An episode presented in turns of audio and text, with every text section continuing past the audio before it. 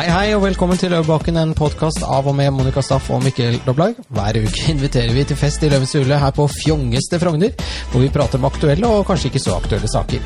Monica og jeg er som folk flest veldig nysgjerrige, og derfor inviterer vi gjester som vi ønsker både du som lytter og vi som programledere skal bli bedre kjent med. I dag så har vi fått et nobelt besøk. Vi har nemlig en vassekte ambassadør som vi skal bli bedre kjent med. Han representerer et av de mest spennende landene i verden, faktisk. Som også er det niende største landet i verden i landområdet. Landet grenser til Europa i vest og Kina i øst, og deler en 7644 km lang grense med Russland i nord. Landet har 19 millioner innbyggere og er et stort oljeeksporterende land, og det er rikt på kulturliv og historie. Det er altså en ung nasjon grunnlagt i 1991, men med tusenvis av år med historie. Vi snakker om Kasakhstan og ambassadør Jerkin Akizhanov. Og du, da? Hvordan går det med deg, Monica? Er du spent? Jeg er veldig, veldig spent, Mikkel, fordi at uh, dette um, ja, Kasakhstan Jeg har hørt om det før, selvfølgelig, men det er jo ikke et land man som uh, nordeuropeer kanskje har hatt mest med å gjøre. Det forbindes jo med Russland og litt uh, eh, hva skal jeg si, og disse andre Stan-landene nedi der. Ja, det er, alt med Stan er jo veldig skummelt, ja. er det mange som syns. Og dette landet, dette landet her har heller ikke noe strandlinje eller sånn mot et salt hav. Det ligger til Det kaspiske hav. Ja, Landlocked er det vel de kaller det? Ja. Landlocked, ja, rett og slett. Og jeg um, Altså, det begynner jo våres, men det er fortsatt litt sånn småkjølig ute og litt sånn snøfonner, så jeg sitter her med en vodka, og ikke hvilken som helst vodka i dag, men en som heter Snow Queen. Så, jeg trodde det var vann i glasset ditt. Ja, det, det er jo det som er trikset med vodka. Det ser ikke ut som, eh, ikke sant, og lukter ikke som, osv. Ja, men dette kan jo bli spennende. Dette kan bli veldig, veldig spennende. så bra. Ja. ja, men eh, det Vi har da en, som sagt en vaskeekte ambassadør, og det som er da eh, spesielt for denne poden her, er at resten av poden må gå på engelsk, rett og slett. Switching to English. Switching now to English. and uh, uh, we had a discussion before we started. Should we take it in British or in American? American British? Yeah. oh, British, actually. It's very nice. I think we will have to use uh, our uh, normal Norwegian accent. Yes, Tor Heidal Norwegian. Tor Heidal Norwegian, or English. Uh, Holmestrands engelsk, som yes. det heter. yeah. Okay, uh, welcome to you, uh, Jerkin. Because uh, we have also, you know, this pronunciation of uh, these, what you call it, Eastern European names can be difficult for, for Norwegian, but it's Jerkin Akianov. Mm -hmm. Correct. And you are an amb ambassador to Norway, and I just wonder uh, how do you get an ambassador? How, what's your background? How old are you? Do you bring your family? And what did you do before you come to Norway as an ambassador? What did you do back in Kazakhstan? Okay, thank you. First of all, tusen tak, Mikkel, Monica. Mm. And uh, I will try to uh, uh supplement complement your Norwegian English with my Kazakh English. Very good. so uh, I believe it will. We will. Uh, we will make a, a, perfect a perfect team. Yes. So uh, I came into Norway one and a half years ago, and was posted. Uh, this is my first posting as an as an ambassador. Uh, but uh, I'm on my government's foreign service for the last almost 30 years. The same, almost the same 30 years, uh, which we celebrate this year, anniversary of our independence. That's right. So I'm I'm with foreign service uh, almost from the beginning of uh, independence of my country. So you're yeah, a veteran. Right. You're yeah. a veteran. yes. But you you look younger than that. How old are you? Oh, because I, am I'm, I'm 52. I'm 52, but uh, yeah, you look like 40 yeah, it's uh, good food, uh, good emotions, and a loving family. Mm-hmm. I believe this is, and of course, a job which you like to do. Yeah, that's very important. But did you bring your family to Norway? Uh, yes. Uh, I, brought my uh, my wife uh, with me, and definitely they they accompany me, and my daughter, youngest daughter, in the beginning, because my elder daughter is already married, and she lives uh, separately with her family. And my second daughter is a student, uh, but uh, recently she joined us because these days all studies in many universities are going on online. So, and that's why it's So she's with you now. she, she's with us and um, going uh, con- continuing her studies online. And did she went to, to a university in Kazakhstan or somewhere else? No, she she's a student uh, uh, at one of the universities in New York. Ah. In the United States, uh, this was the place of my uh, previous last posting be- before being posted to Norway. Okay, so you were in New York. I, I was in New York as Yeah. deputy permanent representative to the United Nations. Oh, Yes. that's Yes. interesting. Yeah. So, which university does your daughter attend in? Uh, it is City University of New York, uh, one of the colleges. She just recently switched Yeah. from one to another college, so I just don't remember. Because my name. youngest son, he went to NYU. So he NYU, Went, ah, yes. yeah, yeah, Yeah. cool. Yeah, Yeah, that's cool. yeah. and my And- uh, CUNY. Yeah. It's uh, City University. of New Yes, I've seen it. I've seen Yeah, it yeah. because there is not that many universities in New York. Actually, it's Columbia Mm. up by the park, and then it's NYU and a couple more. CUNY and SUNY. Yeah. State University and City University. That's right. That's right. So the UN, that's uh, like a, an interesting topic these, topic these days. This organization trying to, you know, fight this COVID we are all affected with. But um, I think we will probably talk a little bit more about COVID later. Maybe not. Maybe not. But I think what would be interesting for us uh, as listeners is that Kazakhstan is kind of a country that we don't know a lot about. You told a lot, Mikkel, in the intro about size and population and everything. But the history of the country is interesting because it's um, the name is parted in two. It's Kazakh and Stan. And uh, you explain to us what Kazakh means. Oh yeah. Uh, uh, first, uh, stan. The, the the the last part. Stan. It's just land. Like in many languages, when you call your uh, some Yeah. country So in, stan your- in your own language, you, you, you uh, many nations use uh, the word land. Yeah. Yeah. Netherland. Okay. Or I don't know. So it's the So land. Stan and land Yes, is so Land of land. Kazakh. Stan it Yeah, means the, land. you, and you have a lot of these countries Yes. uh, in these Uzbekistan, Kyrgyzstan, Kyrgy- yeah. yeah. So it's because land, we land, land. speak in r- uh, relative languages, Yeah. and the, the root of our language is the same, and so we use the same, uh, uh, let us say, roots. And uh, the first part of is Kazakh. Uh, there are different uh, uh, versions how it could be translated. Uh, first of all, uh, it is translated as uh, land of free people because we were nomads in the past. It's like Vikings in Norway, in Scandinavia, we were nomading. You were traveling. We were uh, traveling. Yeah, yeah. yeah. and you Uh, were traveling uh, mainly in that big area that is Yes. Kazakhstan today, I- yes, it, it but was moving all the time. moving all the time. It was uh, due to just simply pragmatic reason because this uh, nomadic way of um, uh, nomadic type of agriculture. We we were mostly cattle breeding. But what's it cattle and, and horses? Isn't it a lot of horses? horses, uh, sheep, uh, camel, camels. By the way, uh, in our tradition, we cook sheep. Yes, of course, we are mostly meat consumer Yeah. consuming. Uh, we have meat consuming. That's cuisine. why you look so young because because you know there is a new diet coming up now, carnivore diet, and that's the, the diet that keeps your blood sugar most stable of all diets in the world. So, if you are big meat eaters, have been like that in the history, probably very good genes. and when before introduction of all these genetically modified food stuff and all these uh, things, especially with elder generations, we have uh, uh, they have perfect teeth. Less problem with teeth when you have hard food to to to chew. Meat. Like like and, like and my- bones. yeah yeah yeah.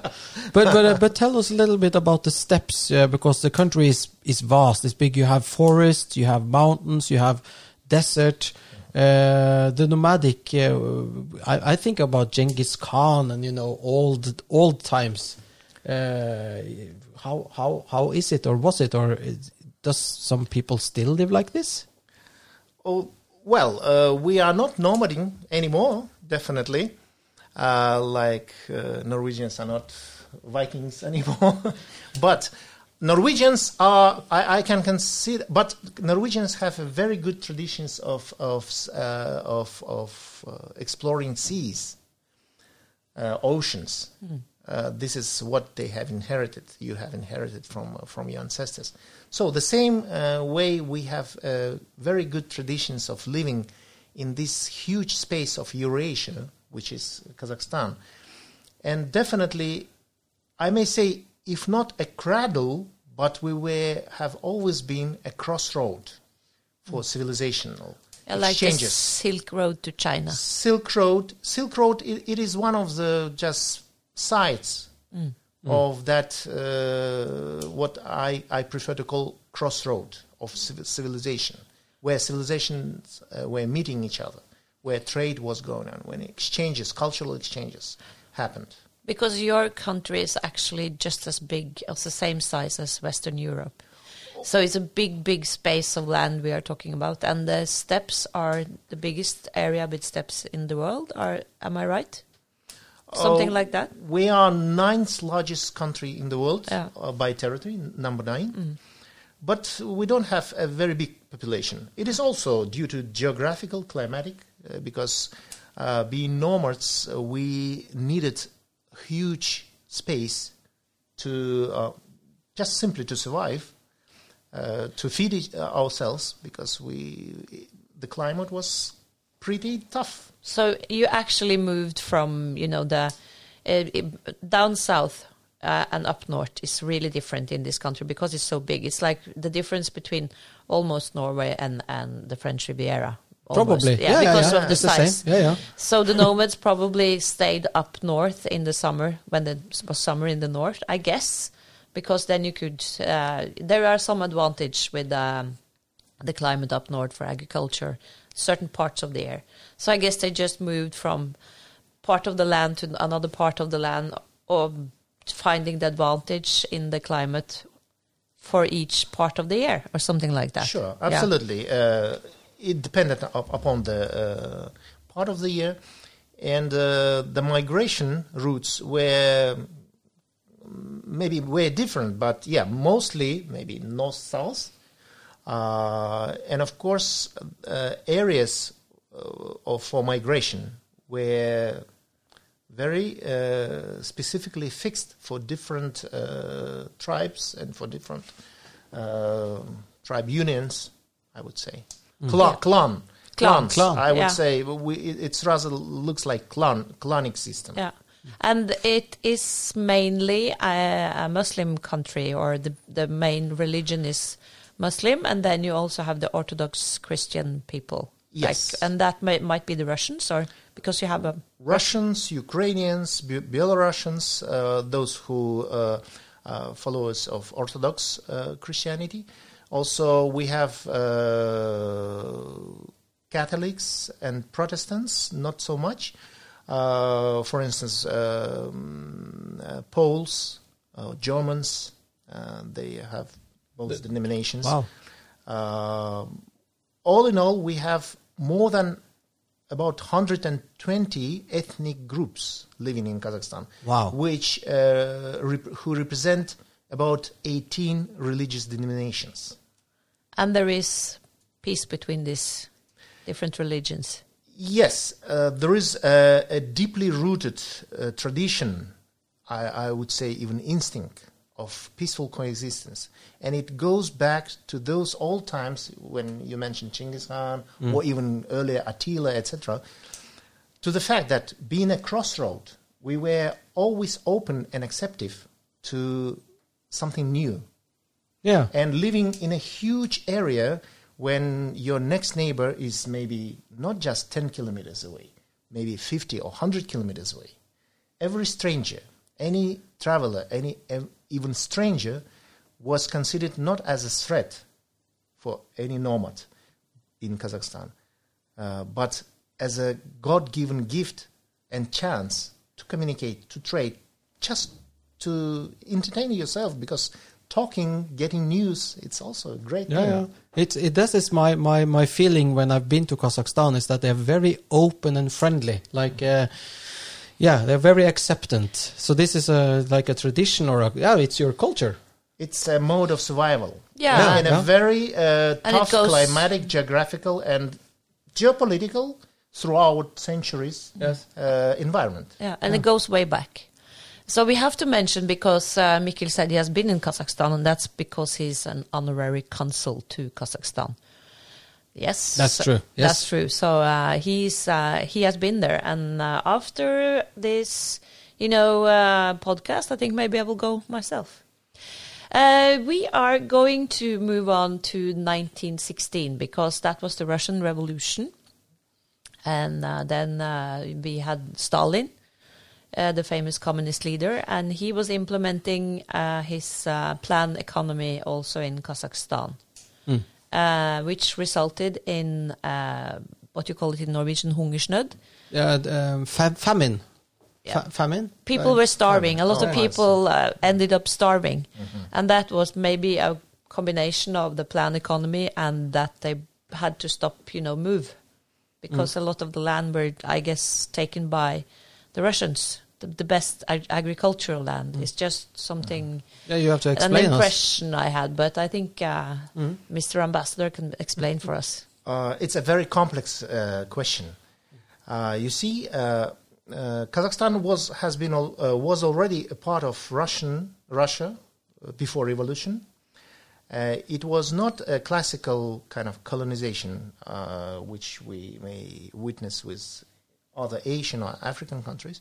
That was um, uh, an agreement uh, when we joined the Russian Empire uh, when our ancestors, those those time, uh, decided to join the rulers.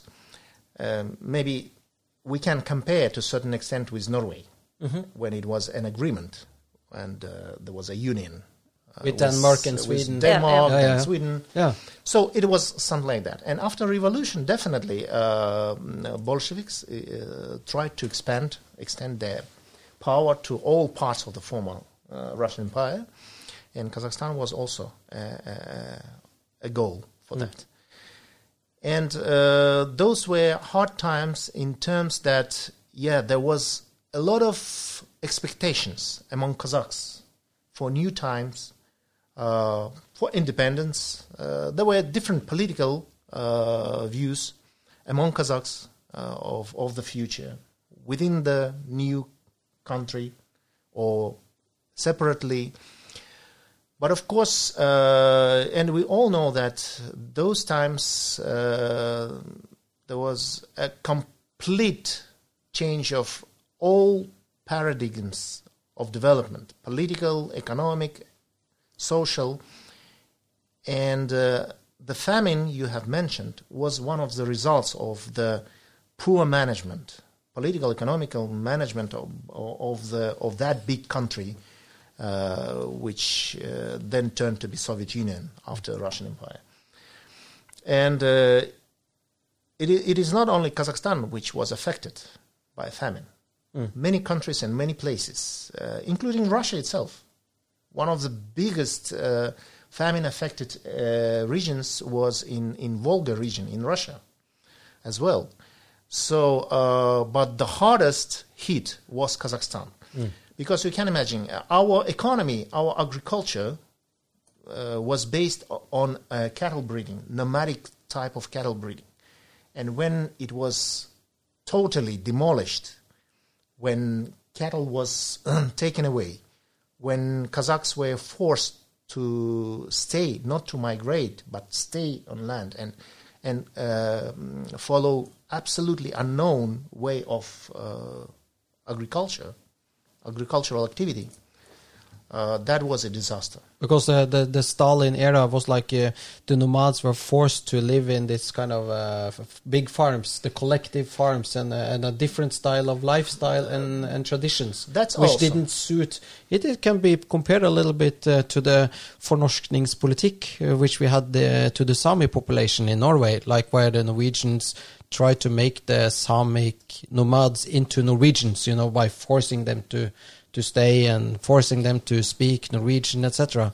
So it's uh, it's quite yeah comparison to that.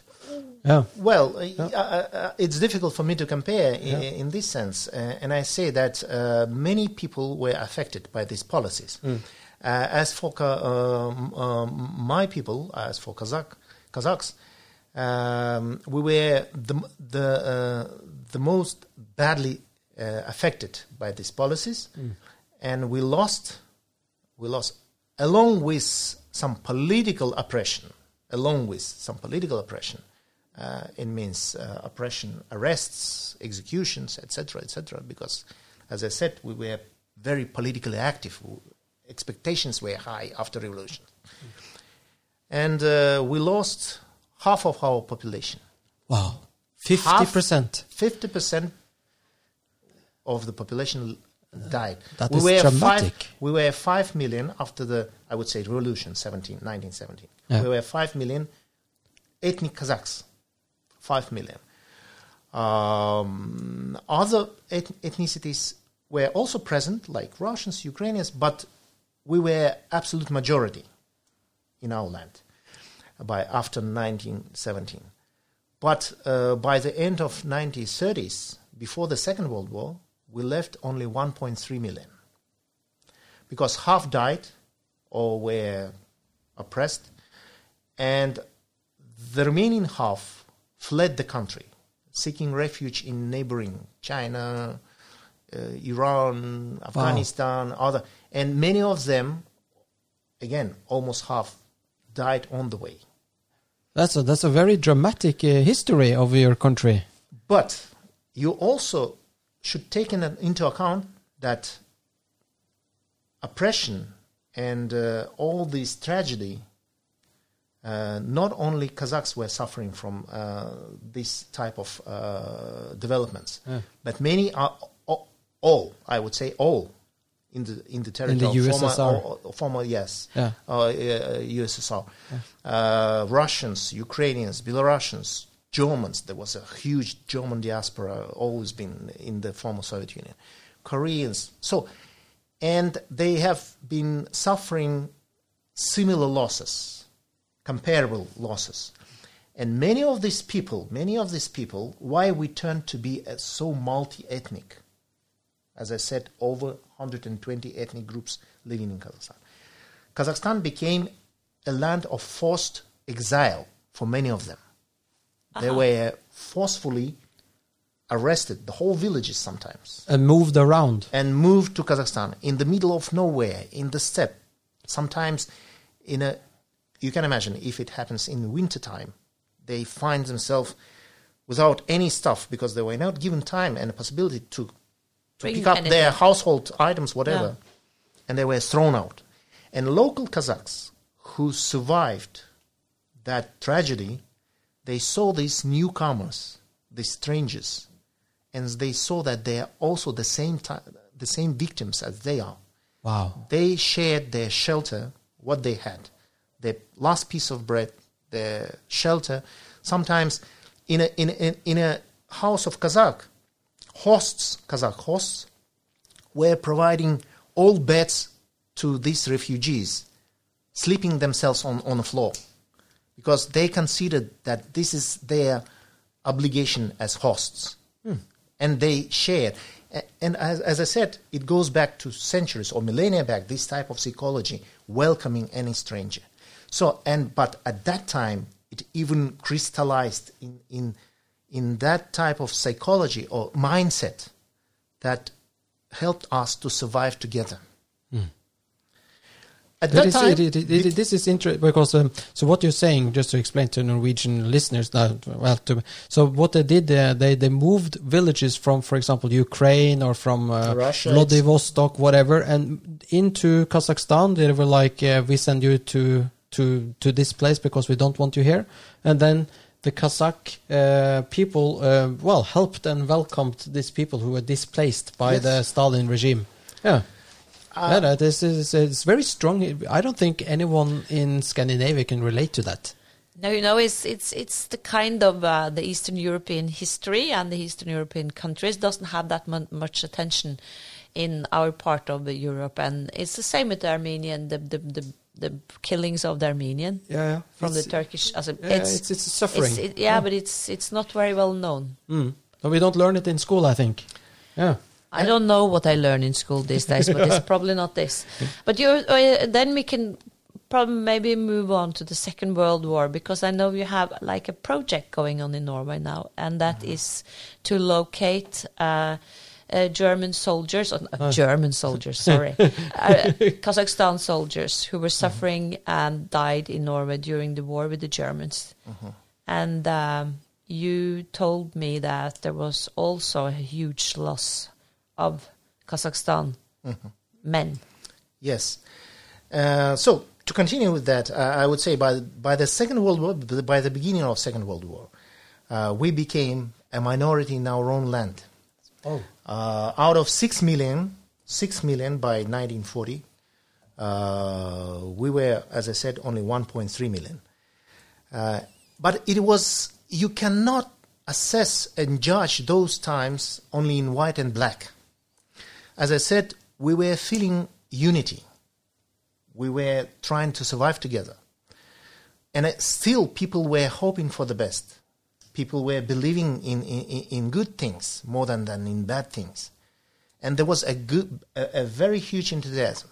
Along with those bad things which were happening, there was also a lot of bright things like uh, upgrading the economy of the country, industrialization, increasing the level of education, uh, introducing free medical service, uh, introducing high university uh, education, and uh, eventually making the literacy of the population uh, up to 100%, increasing up to 100% of the literacy, and uh, providing a lot of social economic uh, lifts to many, uh, no matter of the uh, former social uh, or political, let's say, background. And uh, you can find in every family, you can find that some of the, your family members were heroes of those times. Some of the family members were political uh, enemies of those times. But it doesn't. It didn't divide families inside within within themselves.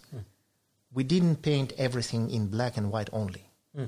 So these all tragic and good things were all our internal asset, which and our inter, our lessons which we learned, and uh, tried to look forward and develop, and enthusiasm, the unity, the f- the feeling of unity with other people in Kazakhstan, within Kazakhstan, and within the entire other part of Soviet Union was so high that uh, a six million Kazakhstan that time contributed one million two hundred thousand men and women on for active military uh, duty to fight to fight on the battlefield uh, to fight Nazis on the battlefields, and it was not just uh, conscription, merely conscription. It was a huge movement of volunteers also. You can imagine. Uh, regular conscription envisages uh, recruitment from 18 years old, but there was a, a lot of number, a, a huge number of volunteers who specifically faked their papers. Those 17 or sometimes 16 years old guys who were vol- volunteering, uh, joining the military, or those who were, uh, I would say, allowed not to be uh, called to the army due to their position. For instance, they they were too valuable to be sent to the to, to fight. Maybe due to their skills, profession, etc. But many of them were applying to volunteer to join, and that's why. And the fierceness of fight, as we have already be, be- discussed before, was so high that losses were also very high. Uh, a six million tiny Kazakhstan uh, contributed 20% of its population to fight Nazis and lost half of them. It means 10%, 600,000 men and women uh, lost their lives fighting Nazis during the Second World War. Those the- from Kazakhstan. And And it is important for us to find names of those who are buried, found their last resort in, in Norway or other countries of Europe. Yes, because you you have been traveling around Norway since you came here uh, one and a half year ago, and and you have been finding Kazakh soldiers who are uh, what are called soldier graves, or Yeah. uh, yeah, uh, yeah. How did you get that idea? To find those, uh, because I didn't know that there were Kazakhs uh, fighting or Kazakh soldiers died in Norway. We only talk about The Englishmen and Russians, you know. Yeah, Well, typically, yes. Typically, uh, it was a perception of, uh, I would say, Europe, from Europe, from other countries, that Soviet Union was called synonym, like a, Russia was a synonym for Soviet Union. Yes. And that's why definitely uh, everyone was called Russians. And especially, again, taking into account that many soldiers from Kazakhstan were of ethnically of Russian or other Slavic origin. Uh, but uh, it is not just uh, the idea which was born just recently. Uh, this work was going on for years in different uh, European countries. Uh, for Norway, maybe it is more or less fresh because uh, Norway was uh, not in focus and not was the main place for fighting, except maybe um, this assault of 1944 uh, Kirkenes operation, assault operation. But uh, definitely, we found out that there was a lot of prisoners of war. Those who were captured during the first two years of war and then sent to these prisons. Yeah, that's Prison right. camps. All over Because uh, where I grew up, this small island on the western coast of Norway, there was a lot of camps or prisons for Russian prisoners from from war, and uh, I I remember that you can see the the ruins of this place of these uh, prisons today. And I remember my grandmother told me that they gave the, the Russian prisoners food when they were passing through because they were used for building a airstrip, like a yeah, airport, airport, yeah. yes, uh, at the island. So they were used as slaves, and they were living under bad condition. And of course, there is probably a lot of graves for Russian soldiers out there as well. And of course, some of them must be Kazakhstan. I I would guess. Yeah. Do you know how many uh, Um, have you found in Norway? We have found over 50 names. 50 names. Uh, over 50, yeah, fi- 55, uh, if I'm not mistaken. Uh, we also found some 44 names of those who died during this Petsamo Kirkenes operation, but they were not buried in Norway. They were taken away. Those. Uh, but those who died here and were buried here, we found only these uh, few, uh, let us say, I would say, names. Uh, we kind of envisage, we think that we can find 10 times more. Uh, just simply following the percentage uh, uh, Of persons uh, of, of, of, the, of the entire number of Soviet prisoners of war and how what what could be the percentage of, of, of those recruited from Kazakhstan in general. Uh, and we are very grateful that uh, Norwegian government is uh, was keeping records, which gave us a chance to start this work. Of course, we're using uh, archives records of Russian Federation, uh, archives records of uh, Norway, Kingdom of Norway, and of course of Kazakhstan.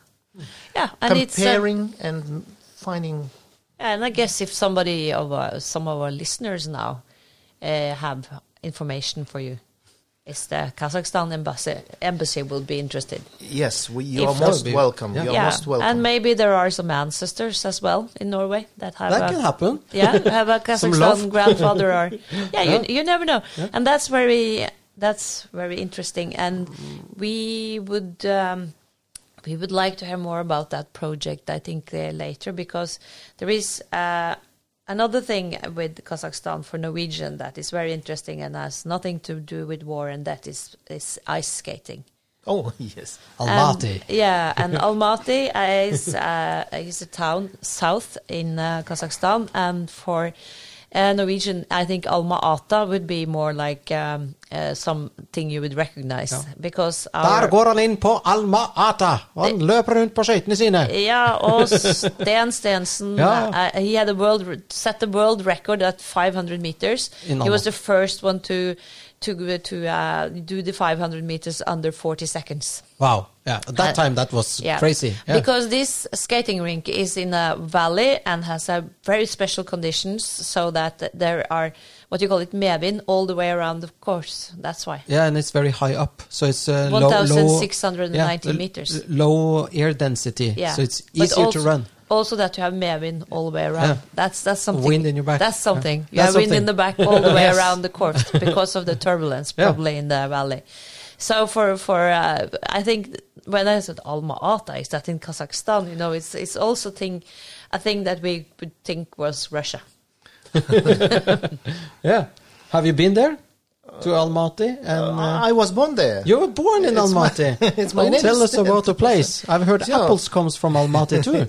Yeah, that, that there were some research about genetic research uh, by UK and some other uh, researchers, which found that all modern apples has genetic traces of one kind, which is originally from that part which where southern Kazakhstan, where Almaty is now. So it means that all modern apples originated has, uh, let us say, are, are descendants of what was grown in, in Almaty So genetically. yeah, so the apple trees has been spread around the world from Almaty. That Yes. means that the Garden of Eden must have been in Almaty. Uh, Ah, yes, probably you yes. know, you know uh, how uh, what is uh, word man so man you in are in a direct line from Adam. yes. Uh, do you know how man the word man in Kazakh language in the No. Kazakh language? No. Adam. Ah, Right. Oi, this Hum- is quite interesting. Adam. Adam. Adam is a man. It's a man, human being, man in And- Kazakh in, in, in the Kazakh language. exactly. and the apple. And the apple comes from Can't- Almaty. So Almaty is the Garden of Eden. and God is from Kazakhstan. God probably is from Kazakhstan. I will I will tell you even more. Yeah, the same please. way, uh, similar research found that something similar happened to tulips. Okay. So- okay. Tulips is also Tulips. from Almaty. And of course, uh, many decades ex- archaeological excavations, uh, with partic- st- which started during Soviet Union, but uh, archaeologists from all over the world participated at different uh, stages in these excavations, uh, proved that horses were first domesticated in, in, in central northern Kazakhstan, 5,000 years ago. So that was the first domestication of horses. domestication of horses with invention of the very important part of, of human clothes, of, of people clothes, pants. Of Because course. you cannot ride the horse without pants because it's, uh, you know, Yeah. sweat, horse sweat, etc., etc. And domestication of horses made a revolution um, which can be compared with invention of wheel Yeah, yeah, because it speeded up communication, exchange of goods, ideas, people, travel, etc. So it it, it, it, ha- it had given five thousand years ago. It had given boost to many aspects of development of humanity. That's Of course, so cool. because you used a horse instead of your own legs. Yeah, Yeah. Much So- faster. quicker, Yeah. faster, Quicker. much faster. Yeah, Yeah. and you can carry maybe goods, so you could Goods, trade more. people traveling, Yeah. Etc., etc. So So this. I didn't know. That No, is so cool. Yeah, that's cool. And this Garden of Eden, Almaty, Yeah. uh, was the capital, wasn't it? Yes, Almaty was a capital for a long time. Uh, uh, capital of Kazakhstan was uh, changed many times throughout last century, Yeah. several cities, and Almaty was one of the uh, long longest in, Yeah. in time. I think this Capital. this brings us up to 1991, It should, yeah. and uh, you know the, when the when the Soviet Union were dissolved, and you became like a separate uh, independent state, and then uh, after that, be, just before that, you got a new like president, and uh, what is his name is Nursultan Nazarbayev. Yes. Yeah. And he has been the president of this country until uh, two years ago. Yeah. He's, now 80 or something. Yeah, he stepped down. Uh, he stepped down, and uh, uh, but also he was given uh, the title. We call it Elbasy. Elbasy, I would say, it could be among others, uh, not directly, but translated as a founding father of the state, Yeah. because it, it's actually yes happened that. Well, it's Uh, not many people who, yeah. who actually founded the country. Founded That- the you, country. you don't do that anymore, do you? No, it's it's like uh, because this is some 30 year of presidency for him, ex- uh, right? yes, absolutely right. Uh, this is also our own experience, uh, having first for the first time independence, for the first time uh, for the last few centuries. I mean, Yeah. Yeah, and uh, I know that you, uh, up to this date, are you are. I don't remember the exact survey, but it was something about uh, economic independence and a range of countries in the world, and you were ranked like the 38 most economic independent countries. So he probably, even though he had, you know, you can say the power in 30 for, for 30 years, he might have been doing a good job. Oh, yes. Uh, 38 number, you say it, it is just recent, uh, one of the recent I, I saw ratings it, I about. saw it in the website from Yeah. uh, from the embassy. it, it, it is about freedom of doing business. yes. something like that. Yeah. Uh, So this is a, the recent achievement, but uh, at the time of collapse of the Soviet Union, you can imagine it was a total chaos. That was dramatic days. It was total chaos, political, economic, and in in that situation, in that environment, and by the way, being a very diverse, multi-ethnic, cultural diverse, multi-ethnic, multi-religious, it could have been civil war. um, some analysis, uh, uh, analytics were saying, yeah, yeah, you will be in, tr- in big trouble. So you had these uh, unfortunate examples in many countries, in Eastern Europe, in Caucasus, and other parts. Uh, but I believe our that historical background, which I said even genetically in my, in, our mindset, this coexistence, uh, diversity was in, in our blood. And of course, but definitely with really huge efforts of, of leaders who took the lead, who took the courage to lead the nation. And first and foremost, this is uh, first President Nursultan Nazarbayev. Keeping, keeping, let us say, holding his arm uh, on, on the pulse of, of what is happening, what people, different groups of people, are thinking about, what their aspirations, what their demands, what their goals and expectations. And definitely, uh, there were a lot of potential for crisis and conflicts. But he managed to handle it. He managed to handle it. And he really deserved this uh, to be called as uh, founding father of the nation.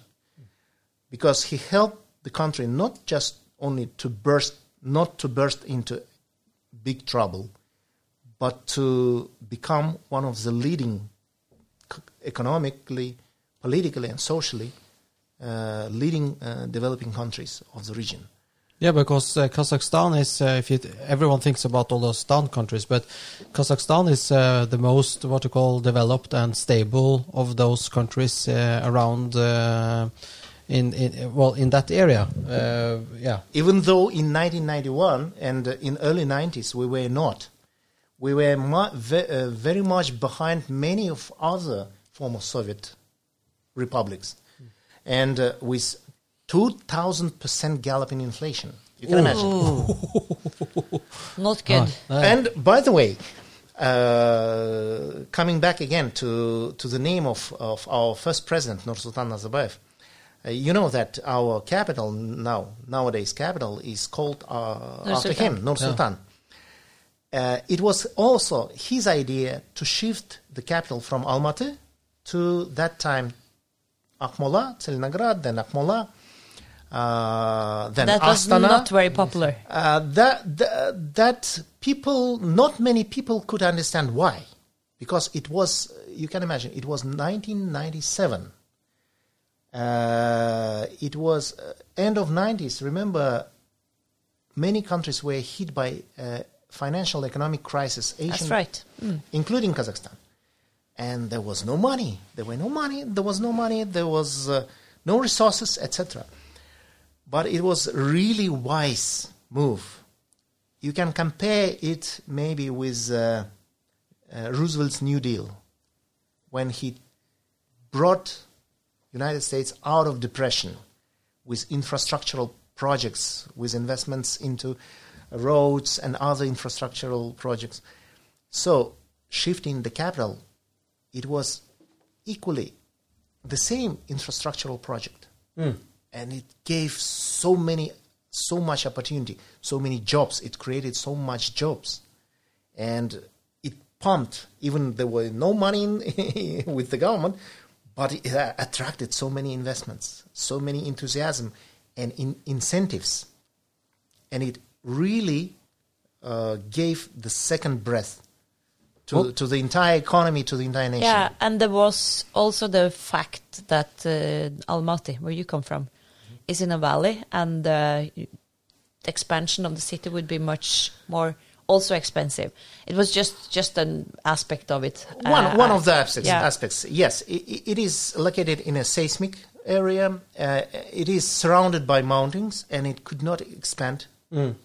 But what is your main activity? What is your uh, what you call economic activity in Kazakhstan today? What what do you produce? Uh, do you, uh, you produce oil? You produce uh, wheat, uh, vodka? Uh, we have to talk about vodka. We have to talk about the vodka. That Time is take- flying. There's so many yes, things we, we want to, to talk about. vodka so you have to speed up a little bit. because uh, as uh, it, the, the Snow Queen Yeah. is actually an Kazakhstan's uh, vodka, and uh, and very good, I might say, very good one.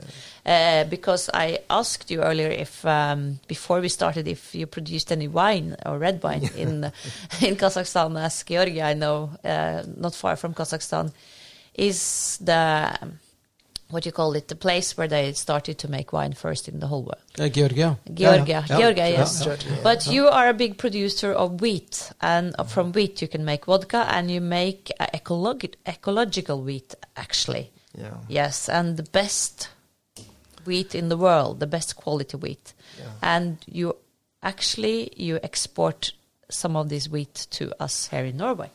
yes, absolutely. Like Norway, uh, Kazakhstan is not a big uh, wine producer, but we are we are producing very good and uh, popular uh, hard liquors. Uh, yeah, uh, like Aquavita here. Yeah, we have vodka. uh, definitely, uh, this uh, technology and tradition of producing vodka came from Russia. Uh, but we it developed in Kazakhstan because we're producing really really high quality, good quality wheat, and uh, our production uh, of wheat, uh, if I'm not mistaken, is uh, around 20 million tons. 20 million tons, and many of it we export, uh, including to Norway. Maybe not too much, but we need to talk. And uh, if anyone would love to explore trading opportunity, opportunities between Kazakhstan and, and Norway, we can uh, help to get in touch with exporters and importers in Kazakhstan. Yeah, facilitate Facilitate, yes. Not only wheat, anything, anything.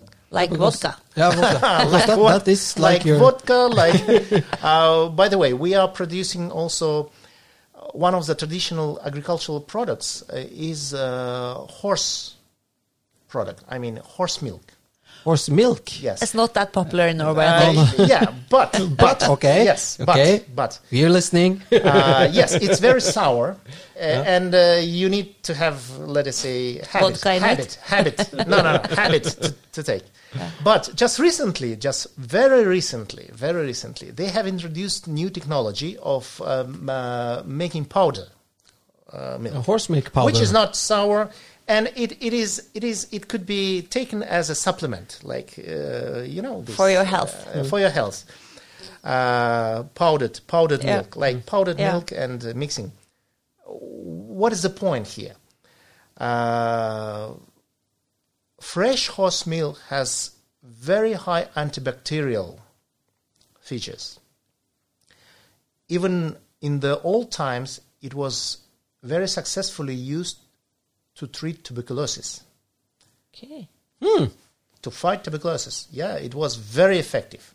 Maybe you should get yourself But- a horse on the farm, I, Mikkel. I was so- just thinking, how do you milk a horse? You know, yeah. Well, that's I'm not an expert how to make but I can also advise you some guys who, who, who know. yeah.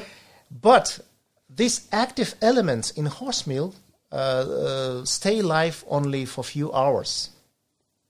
And when the milk is not fresh but still drinkable, but you don't have this the same concentration of all those uh, really vital elements, to, uh, vital for your body, for your health, and for treatment of certain things. And that's why they i- introduced this technology of powdering.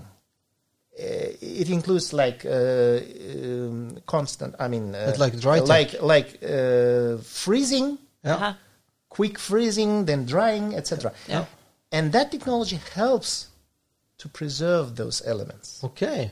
But, That's uh, why it's it's it's very interesting to it's, technology. So uh, horse milk powder should Yes. that that's that Mikkel, we that's what to- we are going to we, we are, import we are into starting Norway. up a company like Uh, do you do you know Imports. who invented who invented this technology with regard to horse milk? No. Because it existed before with regard to cow milk, Yeah. but to horse milk, one German gentleman.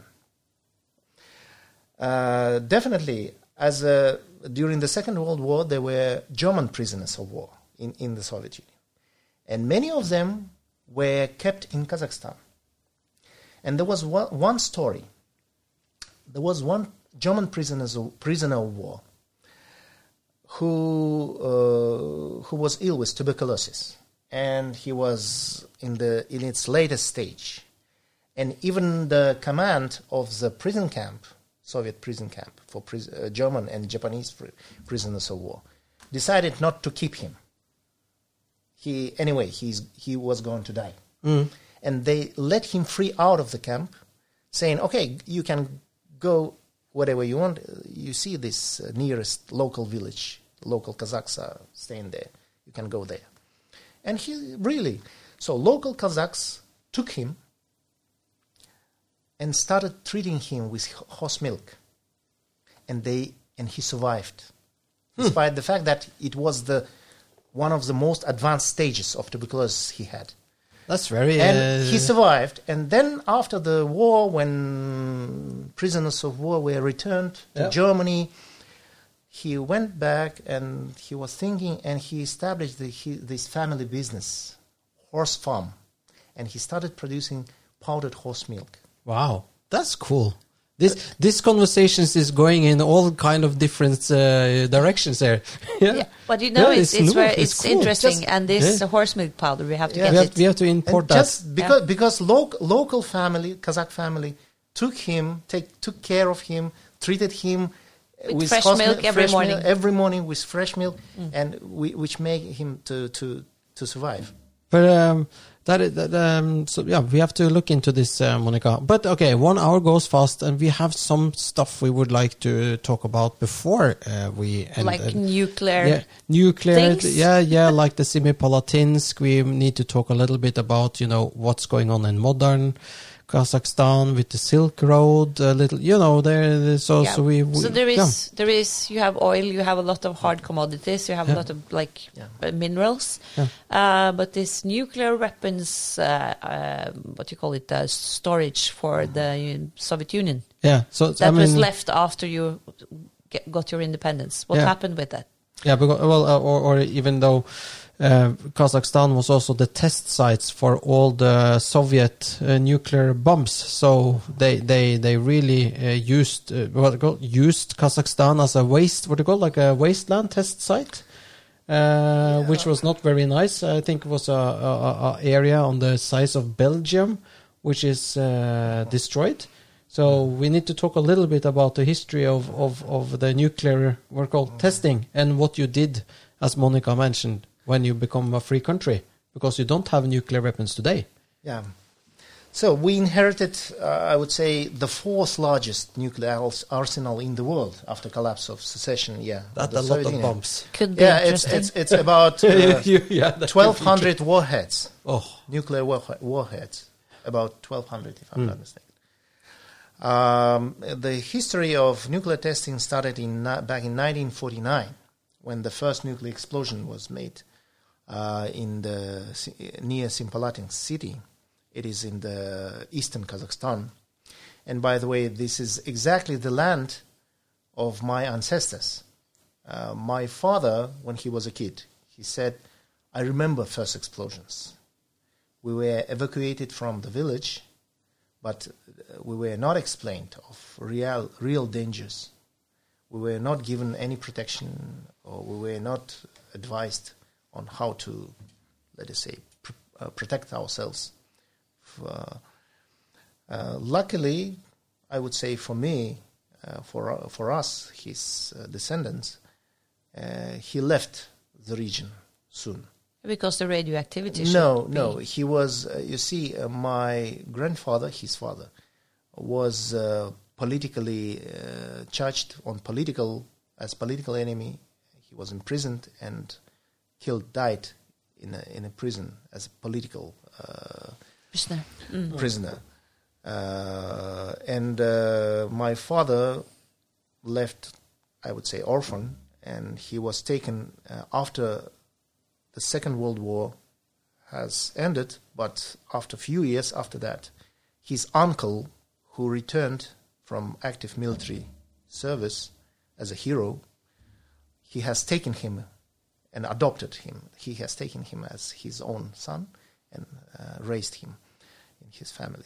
That's why he moved to Almaty okay, okay. Yeah. and um, it continued until 98 and uh, officially it was shut down just even before this the 1989, you mean? before yeah we got Yeah, independence yeah. and it was also a merit of, of our first president he also took the courage and lead uh, to support the popular movement against nuclear testing, which made that time, of course, Gorbachev and the military command of Soviet Union, uh, they they uh, let us say we issued a decree. Kazakhstan and Nazarbayev signed a law demanding shutting down the nuclear test site. This was even though were... legally it was not in our power. But you, because that was when you were in the USSR as that, a country yes. in the. But Republic. Gorbachev and military command, central military command of Soviet Union, uh, didn't, uh, could not override this popular movement. Okay, how many bombs did they detonate in the Semipalatinsk uh, uh area? More than 400 60 400 about 460 uh, more than that can can you go there today you and have a look imagine. no there's a huge contaminated area which uh, is under there is a program for rehabilitation of it mm. and even more than uh, test site itself the, beyond that you uh, can't go there, uh, you can go but it's still you cannot use it for agricultural oh. purpose uh, all in all, throughout all those decades, including immediate uh, victims as well as their descendants, because ra- radiation Mm. affects uh, people throughout gen- several generations, uh, which uh, manifests itself through birth defects, cancer, other diseases. So Have you seen the movie Chernobyl? It's Over one million people of Kazakhstan were affected throughout decades, throughout generations. Over one million. But then this has resulted in that Kazakhstan is maybe one of the fiercest uh, opponents to nuclear weapons today. Yes. And so you had 1,200 warheads, as Monica said. Uh, that could have been a good business. Uh, what happened to those warheads? So uh, it was, uh, yeah, there was time where there was a lot of temptations to leave it. so. yeah. and there were there were some secret proposals from different stakeholders. Oh, this is nice. But the wise decision uh, of the first president was, "We don't need it. We sh- we will strengthen our security by getting rid of uh, getting rid of that arsenal," and w- we really did, because we've got assurances of our security, of our independence and sovereignty. We got multi-billion investments, definitely as a result, because nobody will invest in in, in a land which is not secure. And there's uh, refusal to continue with nuclear weapons was one of the elements of stability and security in our, in our land. How did you destroy them? Uh, that was uh, first of all we we didn't destroy them. We evacuated all of them to Russia, and many of the nuclear material also was evacuated to uh, and bought by the United States. Oh. There was a a joint, uh, I would say, there was a joint endeavor by Russia, United States, Kazakhstan, and there was a very good Nunn-Lugar program of uh, re- reducing the threat. Uh, you know, this Nunn and Lugar, two senators, U.S. senators, who initiated this program, and uh, that program helped us to get rid of that heritage. At the same time, we continue to uh, enjoy the scientific and technological potential. We still have one of the uh, biggest, I would say, plans for for nuclear uh, nuclear uh, for producing these pellets for nuclear power plants, and uh, we even have a, an international low enriched uh, uranium fuel bank located on the territory of Kazakhstan under the aegis of International Atomic Agency, and which was also co-sponsored by no- Norway. Okay. So this is like how to use it for other purposes than Yes. war. Hmm. because it's a- it's that helped that helped many countries to decide not to engage into a very risky business of enriching uranium because this fuel bank can provide any country who wants to develop a peaceful uh, nuclear programs, uh, peaceful nuclear nuclear programs, to get access to uh, to to fuel, to low so this is to low stop- enriched fuel in case of need. So, so, so this is to stop rough states of. Uh, uh, you don't need to enrich uranium yourself. You don't have an excuse to do it because you can just call Kazakhstan and get it. In a way, it's just Some- like something like that. yeah, something like that. Oh, that's quite. That's uh, important for peace, you know. And, by the to- way, we yeah. are among.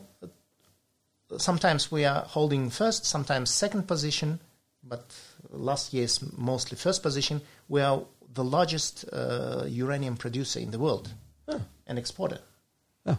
along with oil, wheat, other things. So, So this is a country, uh, Monica. that should have the, re, you know, been uh, nominated to the Peace Prize. yeah, actually, someone should have done it. Someone should have done it. Yeah, it's very strange that I haven't got the the prize. But Yeah. I guess that's the job for you as an honorary consul of the country to uh, make that To proposal.